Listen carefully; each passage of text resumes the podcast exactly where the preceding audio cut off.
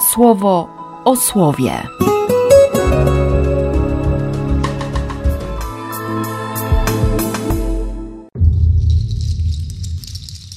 18 stycznia, poniedziałek. Z listu do Hebrajczyków. Każdy arcykapłan, ponieważ spośród ludzi jest brany, dla ludzi jest ustanawiany do spraw odnoszących się do Boga, aby wznosił dary i składał przebłagalne ofiary za grzechy. Potrafi on być wyrozumiały dla tych, którzy są nieświadomi i błądzą, gdyż i sam podlega słabości. Z jej powodu musi tak za lud, jak i za siebie wznosić ofiary przebłagalne za grzechy.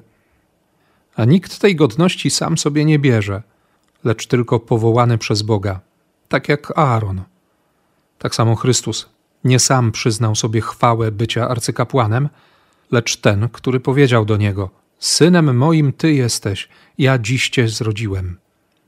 Podobnie mówi jeszcze w innym miejscu: Ty kapłanem na wieki, na podobieństwo Melchizedeka.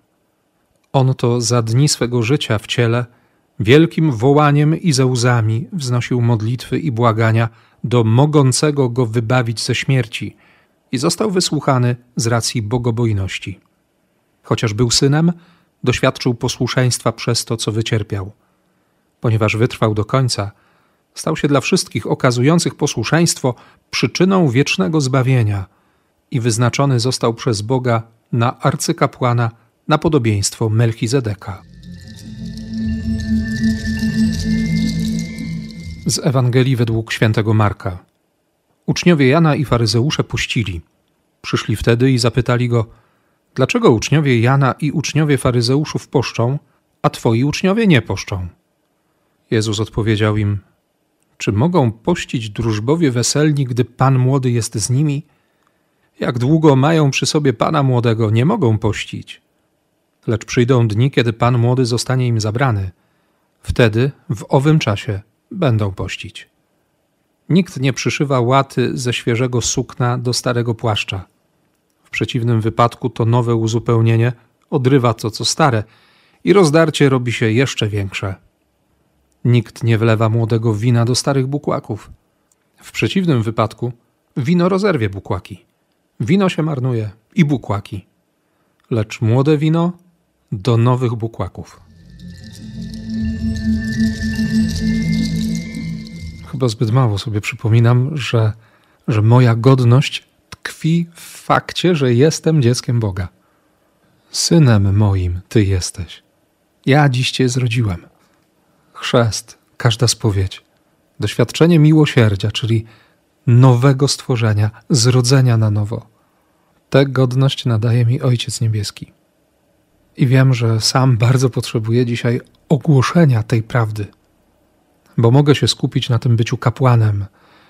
W końcu to tekst o sługach ołtarza i kapłaństwo służebne i, i to wszystko, co mogę robić dla innych, bo Bóg to zrobił dla mnie. Taka jest kolejność. On jest pierwszym, który służy. Kiedy to rozpoznaję, nie mam oporów, by służyć innym ale wszystkie pragnienia i chęci i wszystkie zdolności biorą się z tego, że to On nazwał mnie swoim dzieckiem. A w Jego ustach słowo równa się działanie. I niesamowity jest ten obraz Chrystusa. Wielkie wołanie, łzy, modlitwy i błagania. I został wysłuchany. Jak się patrzy na krzyż, to może coś nie grać z tym wysłuchaniem. Tyle, że krzyż naprawdę jest tym przedostatnim słowem. Śmierć nie jest ostatnia. Śmierć niczego nie kończy. Miłość Ojca wyrywa syna z grobu. To jest miłość, to jest życie. I kolejne uspokojenie. Doświadczył posłuszeństwa przez to, co wycierpiał. To, że jestem dzieckiem, wcale nie oznacza, że nie będzie cierpienia, że nie będzie jakiegoś doświadczenia bólu. On wytrwał do końca i dlatego jest przyczyną zbawienia. Jego posłuszeństwo, Jego Amen na krzyżu jest gwarancją, że, że po pierwsze jestem obdarowany zbawieniem, a po drugie, też ważne, mogę mówić Amen. Mogę na krzyżu powiedzieć Amen. To jest ta miłość, która trzyma, Jego trzyma. Od razu gdzieś mi tam chodzi po głowie ta pieśń baranka i dźwięki napisane przez Janka Krutula. Może się tam pojawią w suplemencie też dzisiaj. Dla mnie to słowo jest, jest niesamowitą nadzieją. Podobnie jak Ewangelia. Post. Uczniowie Jana, faryzeusze mają teraz post. W sumie w Izraelu tylko jeden dzień był obowiązkowym dniem postu. Jom Kippur, ten dzień przebłagania. Wszystkie pozostałe posty były dodatkowe. Ale nieraz chce się więcej i można mieć taki wyrzut do innych. No ja poszczę. Dlaczego wy nie? Jezus punktuje to bardzo konkretnie. Jest wesele, nie ma postu.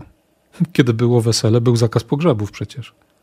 Skoro jest wesele, bo Pan młody jest, przyszedł oblubieniec, jest ślub, to dlaczego mam mieć serce, które, które tkwi na stypie? Mocno mnie to dziś rano poruszyło. Mogę mieć serce, które się cieszy jak serce uczestnika wesela? Choć i na weselu mogę udawać, ale nie o udawane życie chodzi, tylko o szczerość chodzi, o prawdę chodzi.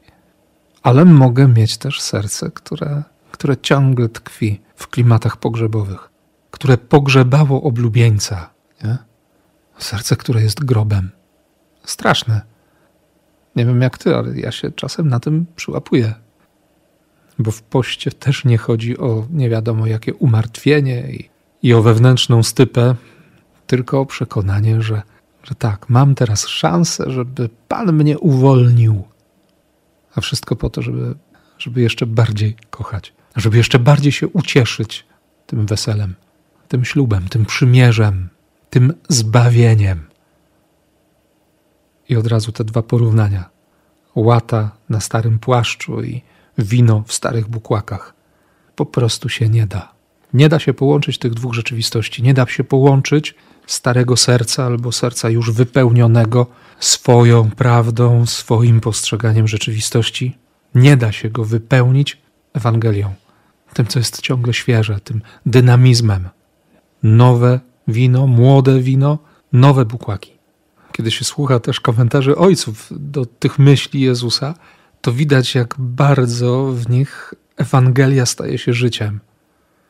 W polskim opracowaniu ojcowie Kościoła komentują Biblię są trzy podejścia, trzy myśli ojców. Jana Chryzostoma, Bedy Czcigodnego i Tertuliana. I każdy z nich inaczej czyta tę Ewangelię, bo w każdym z nich ta relacja z Jezusem jest inaczej odkrywana. Jan Chryzostom mówi o służbie. Dusze niektórych ludzi są jak stare ubrania albo stary bukłak, jeszcze nieodnowione wiarą, ani nieodmienione łaską ducha. Pozostają nadal słabe, ziemskie. Myślą ciągle o sprawach tego życia i podążają za wyobrażeniami tego świata. Gdyby taka dusza przez przypadek usłyszała, że skoro stała się chrześcijaninem, więc powinna też jednocześnie stać się więźniem i nałożyć sobie kajdany, z oburzeniem i przerażeniem odrzuciłaby głoszone Słowo Boże. To jest doświadczenie Jana Chryzostoma. Jego głoszenie, sprzeciw cesarza, jego wygnania, jego wierność. Potem beda czcigodny. Wino rozwesela wewnętrznie, ubranie okrywa zewnętrznie. Obydwa elementy dotyczą znaczenia życia duchowego. Ubranie wskazuje na dobre czyny dokonane na zewnątrz. Natomiast nowe wino oznacza wiarę, nadzieję i miłość, dzięki którym nasze wnętrze wyraża się przed obliczem naszego Stwórcy nowością ducha. I Beda faktycznie tak żyje. No i wreszcie Tertulian. Pan nasz Jezus Chrystus dał nam, uczniom nowego przymierza, nową formę modlitwy. Musiał bowiem i w tym względzie nowe wino zachować w nowych naczyniach, a nową łatę przyszyć do nowego ubrania. Zresztą wszystko, co tylko było dawniej, zostało albo jak obrzezanie zmienione, albo jak dawne prawo uzupełnione, lub też jak proroctwo spełnione, albo jak sama wiara udoskonalone. Wszystko odnowiła łaska Boża. Te świadectwa ojców zadają mi konkretne pytanie: na czym polega to moje nowe? Nowa szata, nowy bukłak. Jak jest z tą mocą Ewangelii we mnie? Gdzie widać tę siłę słowa? ten dynamizm łaski. Proszę dziś Pana, aby to rozpoznać i modlę się też za Ciebie, żeby Bóg przed Tobą odkrył tajemnicę Ewangelii, którą czytasz w swojej relacji, w tej bardzo osobistej, takiej niepowtarzalnej. Nikt nie ma takiej relacji z Chrystusem jak Ty. Więc na to poznanie miłości Słowa i na realne doświadczenie mocy Ewangelii błogosławię Cię jak tylko potrafię w imię Ojca i Syna i Ducha Świętego. Amen. Słowo o słowie.